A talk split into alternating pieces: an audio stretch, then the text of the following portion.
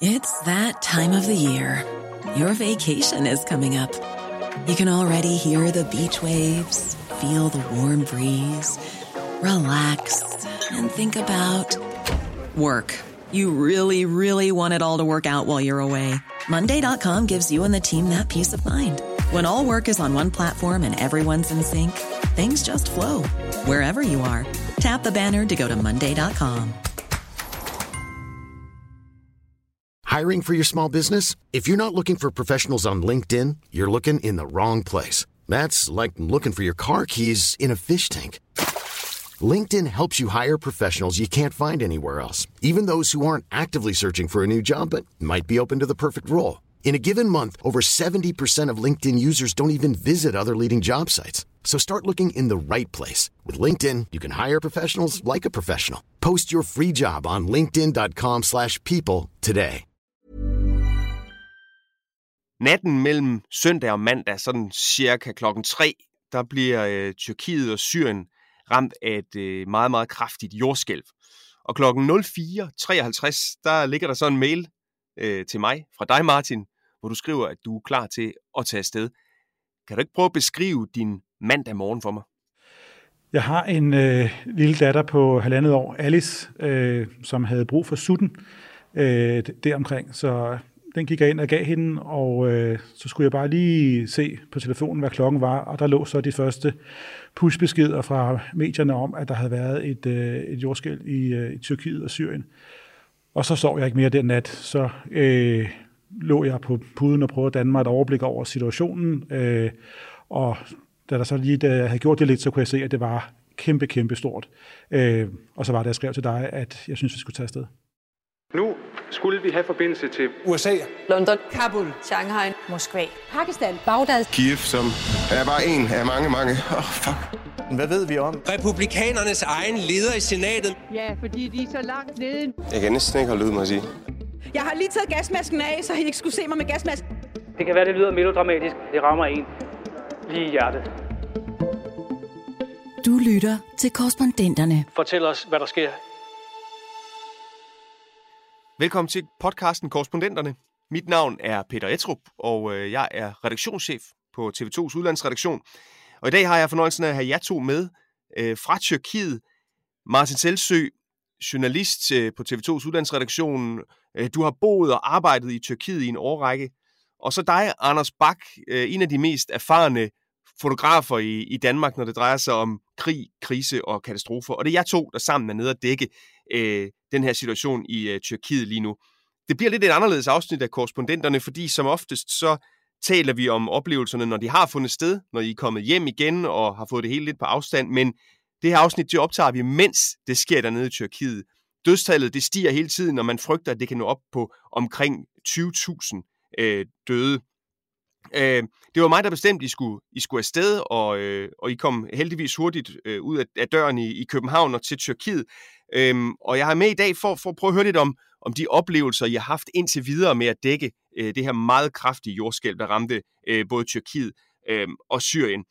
Øhm, lad os prøve at høre et af de første klip, I sender hjem øh, til os på redaktionen, efter at de har brugt øh, hele dagen til at komme, øh, til at komme til Tyrkiet. For et kvarters tid siden var der en, øh, en frygtelig scene, altså hvor øh, de pludselig øh, vifter med armene og får, øh, får stoppet gravearbejdet, øh, fordi de har fundet en, øh, en død beboer derindefra, og øh, familiemedlemmerne stod herned af, øh, af skråningen og løb op og græd og råbte, mens redningsarbejderne både skulle forsøge at bjerge den døde væk på en borger og øh, samtidig prøve at holde de her øh, ulykkelige mennesker tilbage fra deres pårørende, som altså øh, blev fundet døde her. Det er jo en, øh, hjertens, en hjerteskærende scene, du beskriver her, Martin. I lander i, øh, i Antalya, som ligger øh, adskillige timers kørsel fra, fra det område, der er hårdt ramt. Anders, kan du ikke prøve at sætte nogle ord på øh, den køretur? Hvad er det, I ser fra, I kommer fra øh, Antalya, som ikke er ramt, og så kommer helt hen til der, hvor, hvor ødelæggelserne er aller værst? Jo, altså det er jo en, øh, hvad hedder det, det er en meget lang køretur. Jeg tror, vi er afsted i 8 timer. Vi kører der. Vi ender faktisk med først at køre op på, øh, på vej over bjerget, hvor vi så får besked på af en øh, grønhandler, som vi lige køber noget vand hos, at øh, der kan ikke komme igennem. Der er simpelthen sne. Så vi er nødt til at vende om øh, og køre tilbage øh, og køre ned langs kysten. Øh, og vi når faktisk øh, at have en overnatning, inden vi når til, øh, til katastrofeområdet. Og man kan sige, at fra vi, når man kører ind i sådan et katastrofeområde, så, øh, så er det som om, at øh, tingene lige pludselig åbenbarer sig for os. Ikke? Vi kører og snakker og ser folk på gaden, og lige pludselig drejer vi rundt om hjørnet, så ser vi den her boligblok, som er totalt kollapset, øh, og gravmaskiner, der er i gang med at, at, fange, øh, hvad hedder det, at fjerne murbrokker. Øh, og vi går, jeg går i gang med at optage noget, og pludselig hører vi jo så, øh, hvad vi tror egentlig er et dyr, vi hører sådan nogle skrig, eller det, vi tror faktisk ikke, det skrig, det er sådan nogle, ligesom en hund, der gør mærkeligt. Jeg tænkte, at det var, det var redningshunde, altså det var, de havde nogle, nogle redningshunde med, som så havde fundet et spor, eller sådan, og det var dem, der, øh, der, der gav lyd og signal til redningsarbejderne, øh, at, at, at de skulle stoppe. Men det viste sig, at det var, øh, det var menneskeskrig, altså så, jeg tror nærmest ikke, jeg har hørt så rejsesfulde skrig, som, som for de mennesker der, da de så deres familiemedlemmer i bunken. Nej, fordi det er jo, øh, det er jo helt vanvittige scener, vi har set derfra. Og jeg må også sige, jeg, jeg, jeg har jo efterhånden siddet på udlandsredaktionen i mange år, og, og set, øh, set redsomme billeder rundt omkring fra i verden, men jeg synes alligevel, at nogle af de billeder, vi har set fra Tyrkiet de sidste dage, det er, øh, det, det er, øh, det, det er altså gået lige i hjertet. Og, og, og en af de historier, som, øh, som i hvert fald har ramt mig, det var, det var øh, noget af det, I har optaget i, øh, i byen øh, Antakya, hvor I møder et barn, der sidder klemt fast øh, under murbrokkerne. I er så tæt på, I kan nærmest røre hende. I kan tale med hende. Lad os prøve at høre, øh, lad os prøve at høre det klip. Mere end et døgn efter jordskælvet er der stadig levende i ruinerne. De her mænd her gør lige nu alt, hvad de kan for at holde to børn i live, som ligger herinde under murbrokkerne. De taler med dem, de kan se dem.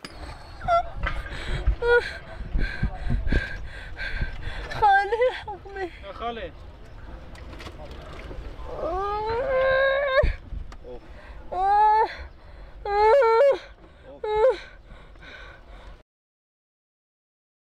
Altså, jeg skal, jeg skal lige trække luft ind, når jeg hører det her. Øh, hvordan oplevede I den situation?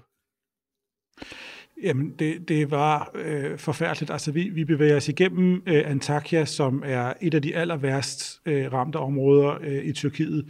Og der er bare ødelæggelse overalt. Der ligger øh, sammenstyrtede huse, øh, blokerer mange veje. Det er meget svært at finde rundt øh, i byen. Øh, folk går sådan chokeret rundt i gaderne. Øh, nogle er, er på vej væk, andre sidder ligesom og, enten og kigger på de sammenstyrtede huse og prøver at få, få, få fat i redningsfolk, som måske skulle komme forbi og få dem til at hjælpe i deres hus. Øh, og så bliver vi viftet hen af den her flok mænd, der står øh, ved en, øh, en, øh, et sammenstyrtet hus, og, og øh, først forstår vi jo ikke, hvad der foregår, øh, men så forklarer de os så, at der ligger to børn derinde. Øhm, øh, og, øh, og jeg ved ikke, først gik det ikke op for os, at man, at, altså, hvor, hvor de lå og hvad, hvad situationen var, men da vi ligesom kommer helt hen og kigger ind, så kan vi se det her hulrum, hvor de ligger, og, og pigen her, som er øh, omkring 14 år, er jo i fuld bevidsthed, og som man kan høre, altså hun, hun ligger og slider øh, for at komme fri, men sidder fuldstændig ubehjælpeligt fast. Øh, og hun ligger jo øh, måske, øh, altså hun, hun ligger jo så hun, hun næsten, altså hovedet er næsten fri øh, ude i, øh, i fri luft. Og der er intet, nogen kan gøre. Altså øh, faren og de her venner, der forsøger at hjælpe, øh, har jo ikke mulighed for at flytte øh, flere tons øh, beton væk. Øh, og lidt ved siden af hende, lidt længere inde, der ligger, øh, hvad jeg forstod var hendes lillebror. Øh, og han ligger ligesom den modsatte vej, så ham kan vi kun se en fod af. Så øh, de kalder på ham, eller ligesom, øh, og så kan man se, at han lige vrikker lidt med, med, med sine barter. Og det, altså, det er jo, øh, normalt når vi dækker sådan nogle her katastrofer, så er der ligesom to slags mennesker. Så er der øh, de levende, og der er de døde. Øh, og det er på en eller anden måde noget, man kan forholde sig til. Men at der kommer en her, som svæver på den måde mellem øh, liv og død, altså det, øh, jeg tror, det er noget af det frygteligste, jeg har oplevet. Altså fordi, vi ved ikke, hvordan det ender for hende her. Øh, vi, vi ved ikke, om hun kan overleve så lang tid, der nu kommer til at gå, indtil der kommer nogen, der kan redde hende. Øh, Øh, vi kan intet gøre øh, i den her situation. Vi kan ikke gøre noget for hende. Ingen af os, der står der, kan gøre noget for hende. Selvom vi kan, vi kan røre hende, øh, vi kan tale med hende, vi kan, øh, dem her, der står og hjælper til, de giver hende tæpper og gør selvfølgelig alt, hvad de kan for at holde hende i live. Øh, det var virkelig, virkelig en, øh, en, øh, en forfærdelig, forfærdelig oplevelse. Ja, det er klart, man skal lige trække øh, luften ekstra gang ind, når man, sidder, når man selv har børn, at forestille sig, hvordan ens eget barn vil ligge derinde, og du kan simpelthen, altså du har jo kontakt med barnet, og så se den her far, der sad med hammer og lille mejsel, der sad og forsøgte at banke øh, kæmpe betonblokke væk, og det var helt håbløst, og det er klart, at øh, hun har ikke en chance, med mindre der kommer et redningshold, øh, en kran og løfter den øh, betonblok væk. Øh, så den håbløshed der, den var øh, altså, hjerteskærende, vil jeg sige. Det, der skulle vi lige kigge hinanden i øjnene en ekstra gang lige og, og trække vejret bagefter.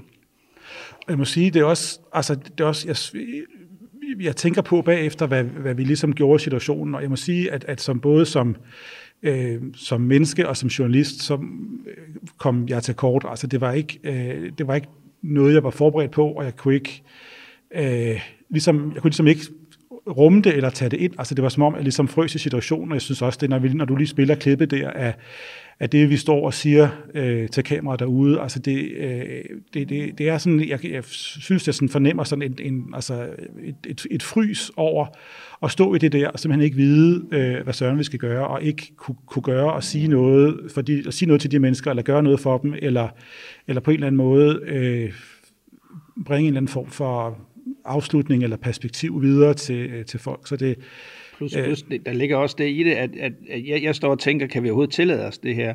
Altså udstiller vi det her barn, og jeg kæmper en, en, en kamp ind i, om jeg overhovedet skal filme det her. Altså, men øh, træffer dog alligevel beslutningen af, at vi må hellere filme det, så må vi se det bagefter.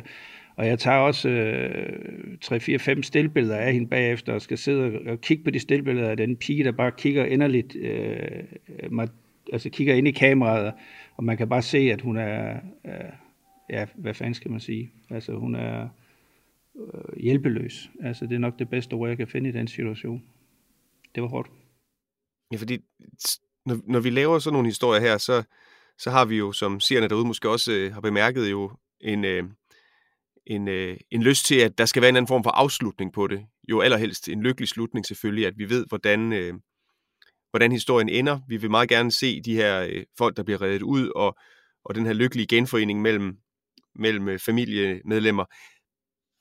Men det gør det vel også, det gør det vel ufatteligt svært, både som fotograf og journalist, at, at forholde sig til sådan en historie her, fordi I jo godt ved, at hvis ikke, hvis ikke det får en lykkelig slutning, så... Øh, altså den udgang, udgangen på sådan en historie her, den... den Men, øh... ja, jo, jo, og, og det vil sige, altså man kan sige, uvidsheden er næsten det værste for os nu, ikke? Altså, der går der ikke et... Øh, altså, går ikke lang tid, mens jeg tænker på, hvad fanden hun laver nu, om hun er kommet ud, og, og hvordan det er gået hende. Jeg vil da ønske, at vi på en eller anden måde var blevet og havde kunne få en afklaring på det på en eller anden måde, men det er jo...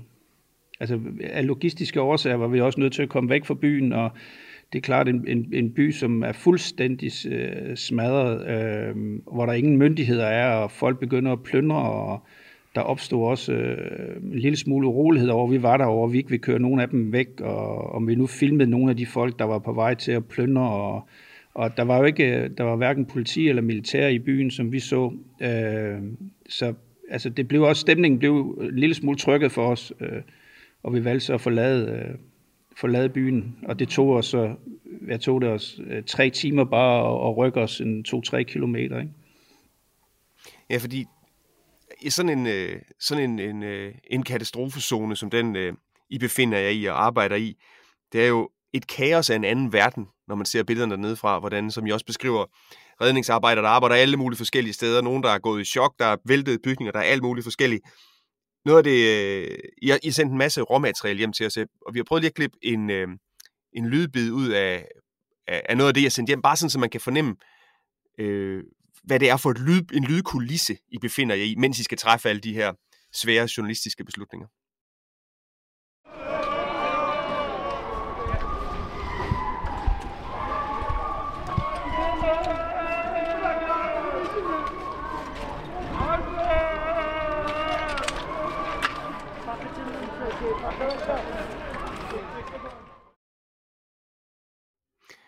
Hvordan, hvordan holder man hovedet koldt, når man står midt i, i alt det kaos her? Øh, det, det ved jeg heller ikke, om man gør. Altså, øh, det, øh,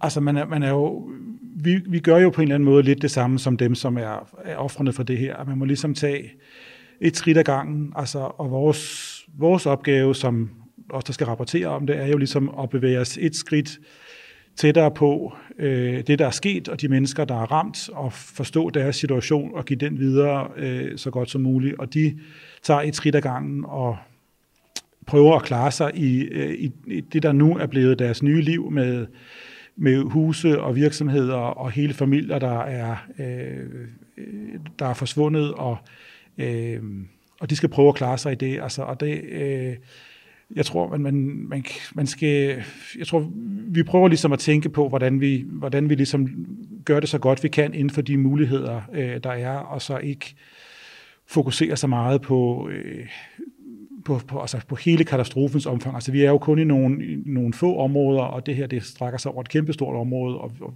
ja, vi må ligesom øh, vi går ligesom stille og roligt frem, og så kan man sige, så er der jo også der er jo også områder, hvor der ikke er nogen øh, ødelæggelser, fordi sådan et jordskælv rammer jo meget tilfældigt. Altså nogle ting er voldsomt ødelagte, og andre, dele af, af samme by kan være, kan være, øh, kan være mindre ødelagte. Så, så der er også de samme områder, hvor, hvor katastrofen ikke er lige så udtalt.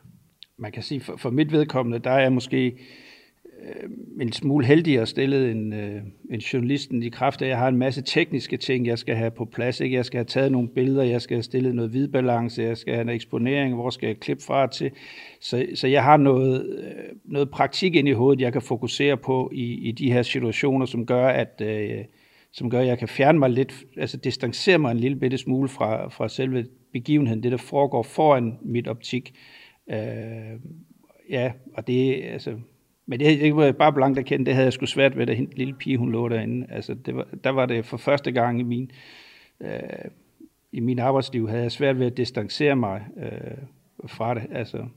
Jeg tror måske, måske synes jeg samtidig med, at jeg, jeg er enig med, med, med, med det, Anders siger, så er der også, der er også noget ved nogle af de der situationer, altså med dem, der redder deres døde familiemedlemmer ud af sådan en, en øh, uh, ruindøing, og hende, der ligger der. Det er på en eller anden måde, det er så ekstremt, som man tænker, det, det, det, det er så urelaterbart på en eller anden måde, så, så det, det, bliver, det, det, bliver, det bliver nærmest sådan øh, fiktion eller sådan, altså når man kommer fra et, et, et trygt dansk samfund, hvor vi ikke har risikoen for de her øh, katastrofer af den her karakter. Så var der, vi, vi talte med en anden, øh, en mand, som hans hus er blevet stående, og familien havde overlevet og sådan, men han beskrev, hvordan han, da det første jordskælv ramte der øh, midt om natten, øh, havde ligesom, de havde fået samlet hele familien i køkkenet, og han sad og krammede sin, sin kone og, og to børn øh, ude i køkkenet i de 45 sekunder, som, som det jordskælv var, varede. På en eller anden måde var det nemmere at relatere til, fordi man måske bedre, det var nemmere på en eller anden måde for mig, synes jeg, at sætte mig ind i, i den frygt for sin families liv, øh, og øh, at man så, øh, altså en, en, en far, som noget, man bliver bange for, men som ligesom går forbi, og så har man klaret det på den anden side og sådan. Altså, øh, og så tanken om, at de havde gjort det i 45 lange sekunder. Sådan. Altså, det var på en eller anden måde en, noget, som, øh, som var nemmere at, øh, at relatere til, og på den måde jeg ramte på en anden måde. Anders, øh, du og jeg kender hinanden øh, ret godt, og du har fortalt mig i tidens løb rigtig mange, om rigtig mange af de oplevelser, du har haft gennem din, øh, din lange karriere som, øh, som rejsefotograf til krigszoner og katastrofezoner, og, og øh, det er vildt at høre, at, at det her det er noget af det værste, du har oplevet, fordi du har godt nok set meget i tidens løb. Du har, så vidt jeg i hvert fald kan huske, dækket mindst to andre jordskælv. Et i, i L'Aquila i Italien, og, øh, og også i Nepal, hvor der kom, kom, så vidt jeg husker, 9.000 mennesker eller noget i den stil. Øhm, hvad, hvad, hvad lærer man om at arbejde i sådan nogle zoner her, af at, altså, hvad ved du om at dække jordskælv, som folk, der ikke har prøvet det før, ikke ved? Oh, det er jo et svært spørgsmål, hvad man lærer af det, fordi altså, man lærer jo aldrig at begribe øh, omfanget af sådan en katastrofe. Altså for mig, der er jordskælv noget af den værste naturkatastrofe, der overhovedet findes, fordi den opstår på et splitsekund. Øh, du har ingen forberedelsestid. Øh, det, det kommer lige pludselig at bryde din dagligdag øh, fuldstændig op og smadrer familier i løbet af her 45 sekunder. Øh, hvor man siger andre sådan noget som øh, øh orkaner og oversvømmelser og til dels også øh, krig. Det kommer sådan langsomt snigende, så det her det, det er en usynlig dræber, som altid øh, hviler over hovedet på de folk, der bor i de her områder. Øh, og det er bare utroligt svært for mig at sætte mig ind i det, fordi jeg har jo, altså jeg forsøger noget ude på de her opgaver, og, og hele tiden holde tanken væk, hvad nu hvis det var mine børn?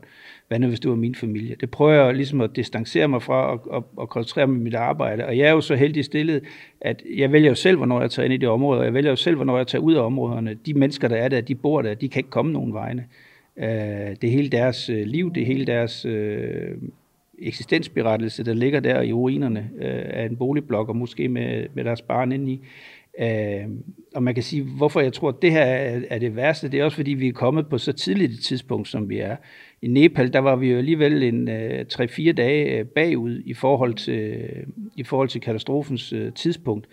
Øh, men det her det er bare tæt på, altså, og vi var der jo øh, jamen, i Antakya i går, hvor vi var inde i, der var vi jo før redningsarbejderne øh, egentlig var der. Øh, og se den desperation øh, har jo bare øh, altså, har jo bare sat et kæmpe indtryk. Øh, øh, og man må sige, det, altså, jeg vender igen tilbage med den lille pige, der ligger derinde. Ikke? Altså, det må jeg sige, det har jeg ikke oplevet før. Altså, øh, at være midt i katastrofens øh, øh øje, mens, eller lige efter den er sket, det er, øh, det er ret voldsomt. Ja, fordi det er jo omfattende, altså vanvittigt omfattende ødelæggelse. Det her, det er jo, som sagt, øh, der, der kan være op imod 20.000 omkomne, men, men øh, det er jo ikke det eneste. Det er jo også, altså det er jo hele byer, der er blevet fuldstændig raseret. Så, så, så hvad er det, øh, hvad er det, der venter de mennesker, der indtil for nylig boede i, i de her boligblokke, der nu er væltet eller væk, eller helt, helt eller delvist ødelagt? Er de, øh, hvor går de hen nu? For der er jo efterskælv, der er, der, der, er jo, der er jo stadigvæk farligt at være potentielt. Så hvor, hvor ender de henne nu? Altså, der er mange, kunne vi se i Antakya, som, øh, som sover i deres biler. Altså, stiller dem et sted, hvor de sådan er i, i for, forhåbentlig rimelig sikker afstand fra bygninger. Altså, det, mange af bygningerne er jo så beskadiget, så hvis der kommer et, et efterskælv af en vis størrelse, så risikerer man, at de bygninger styrter sammen, og det har vi også set på mange optagelser rundt omkring fra jordskælvzonen, at, øh, at bygningerne er styrtet længe efter selve skælvet. Vi oplevede det jo i går jo nærmest, at øh, vi kørte forbi en bygning, som var, hvor der var folk inde i at redde, og lige pludselig løber de alle sammen ud, fordi der er noget af det, der, der, der styrter sammen. Det er sådan en bygning, hvor hele underetagen er væk, er, er kollapset, og så står de, de, de øvre etager står ligesom sådan intakte, men på ruinerne af underetagen. Og så er de så gået ind i en, i en lejlighed der, Øh, og pludselig kommer de alle sammen blæsende ud på vejen, fordi der, øh, der er pludselig opstået en, en, øh, en far derinde. Så, så mange af de her huse, selvom de til synlædende øh, står, så, så er de ubeboelige, og derfor så øh, søger folk som sagt ud i deres biler. Øh, vi så mange have taget ophold under sådan nogle, øh, nogle halvtag, Øh, og det er jo fordi, altså, og så er der selvfølgelig mange, der, der kommer væk. Altså der var meget, meget lange køer øh, ud af øh, Antakya øh, i går, og er der formentlig også i dag.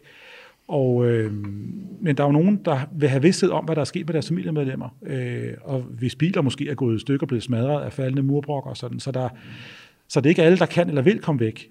Og hvad der skal ske med dem nu, altså... Øh, der er gang i hele det her bjergning og redningsarbejde, øh, og man er ved at, at, at opbygge sådan en infrastruktur til det, og, sådan, og det vil sige, der kommer i hvert fald der kommer til at gå, vil jeg tro, lang tid før, der begynder at komme sådan husvogne eller sådan noget ud i det her område, hvor, hvor folk kan bo. Så det, det Tyrkiet gør, er, at de har åbnet en masse hoteller, dem som der normalt bor charterturister i, hen, hen langs Middelhavskysten, øh, Alanya, Antalya, den vej over, øh, som folk kan blive evakueret til øh, nu. Men hvad sådan den længere sigtede løsning er, det, det er nok lidt for tidligt at sige.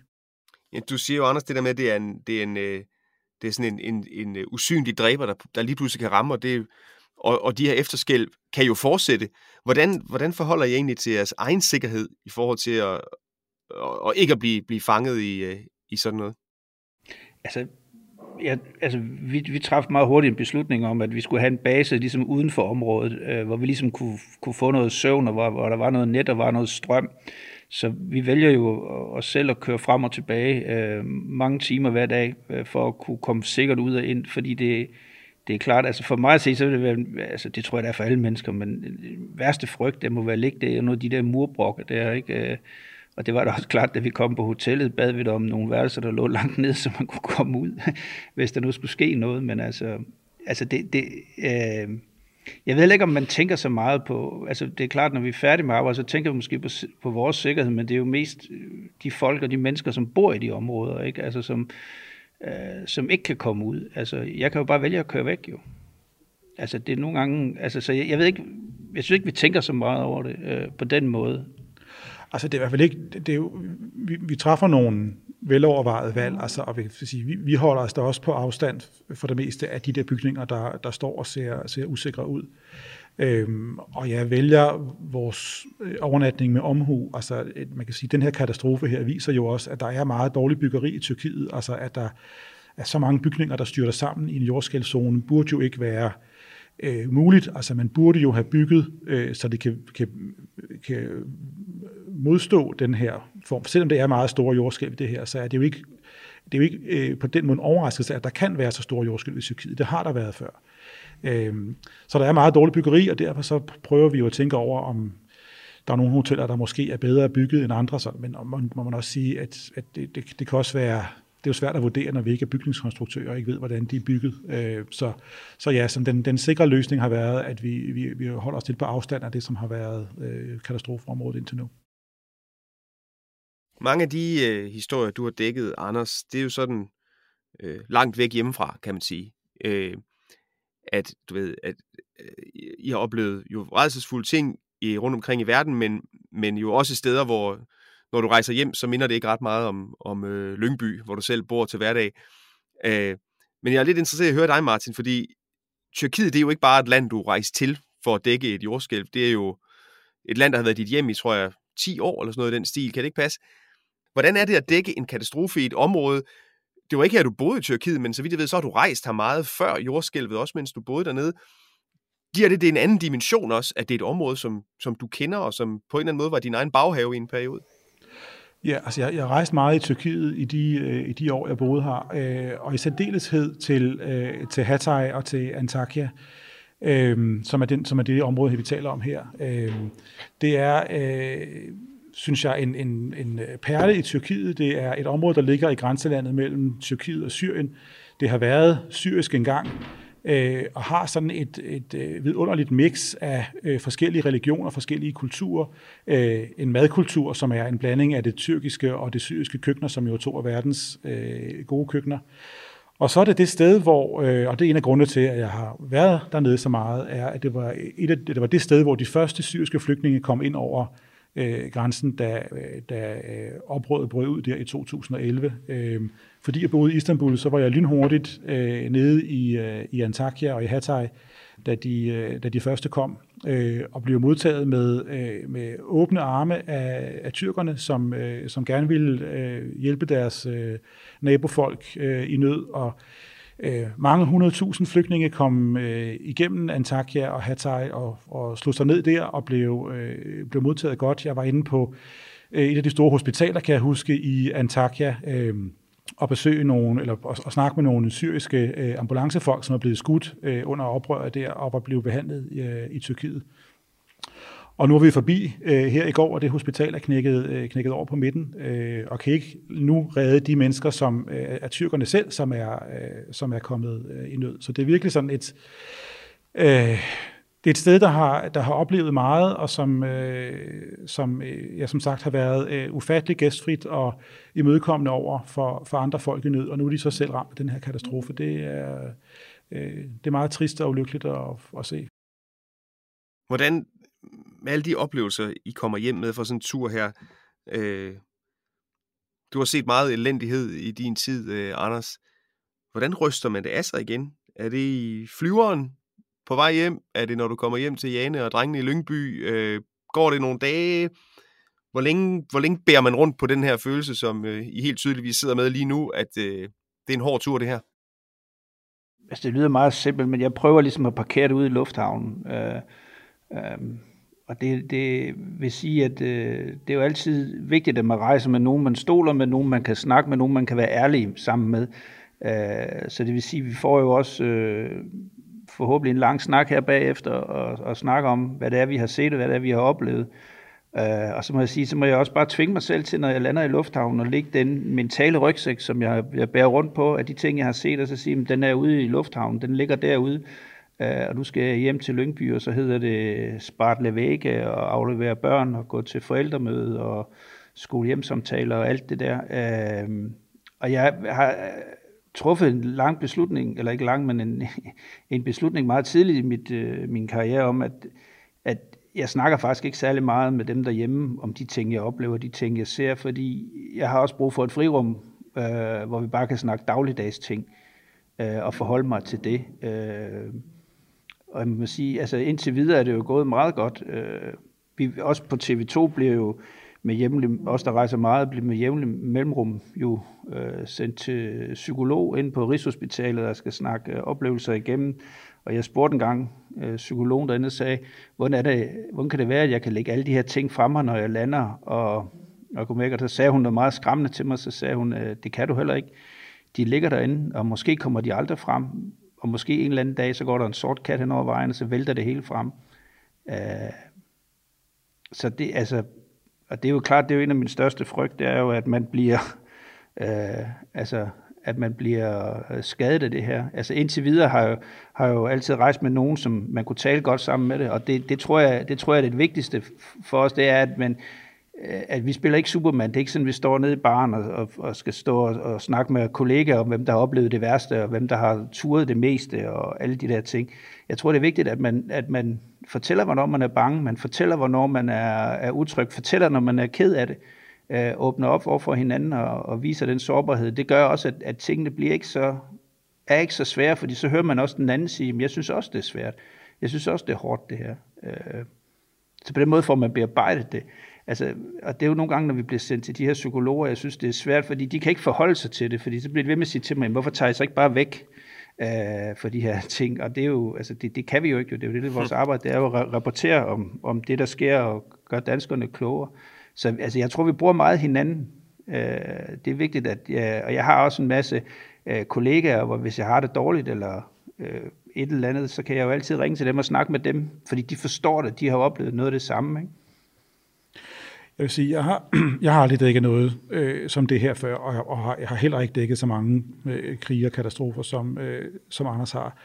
Øh, men jeg tænker om det her, og jeg har tænkt om andre øh, af de kriser og katastrofer, jeg har dækket, at jeg tror ikke, man kan, man kan dække det som journalist, øh, hvis man aldrig bliver berørt af det. Øh, og man kan heller ikke dække det, hvis man altid bliver berørt af det hele. Altså man, man er nødt til ligesom at blive, kunne, kunne gøre begge dele, altså holde nogle ting tæt på og holde nogle ting øh, langt fra. Så, så på en eller anden måde, så, så tror jeg ikke, at det skal rystes af. Altså det her, det skal ligesom, øh, det skal ligge sig et sted som en, en, en påmindelse og øh, måske en advarsel og en, ja, altså, øh, så, så det, det, det kommer ikke, jeg, jeg tror ikke for mig, at det, det kommer til at gå væk, altså at det ligesom bliver noget, jeg lægger væk og øh, øh, Ja, altså det, det, det, det, det, må, det må, når man vælger at søge ud på, på sådan nogle opgaver her, så må man også ligesom øh, bære det med sig videre i livet, tror jeg.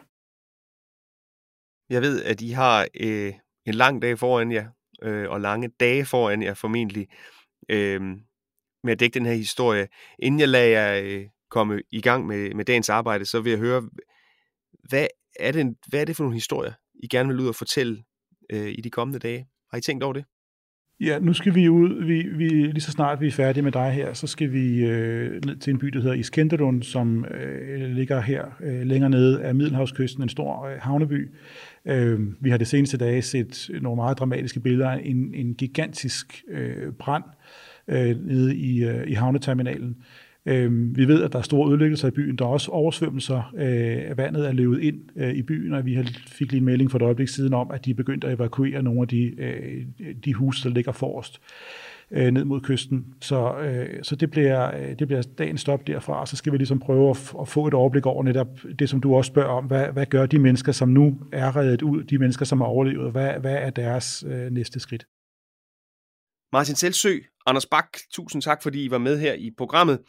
Det her afsnit af Korrespondenterne blev tilrettelagt af Katrine Kærulf. Joachim Saxtorp Poulsen var redaktør, og mit navn er Peter Etrup. I næste uge, der holder vi vinterferie, så vi høres ved igen i uge 8. Nu er det slut. Jeg synes, det er helt forfærdeligt, altså. Du har lyttet til en podcast fra TV2.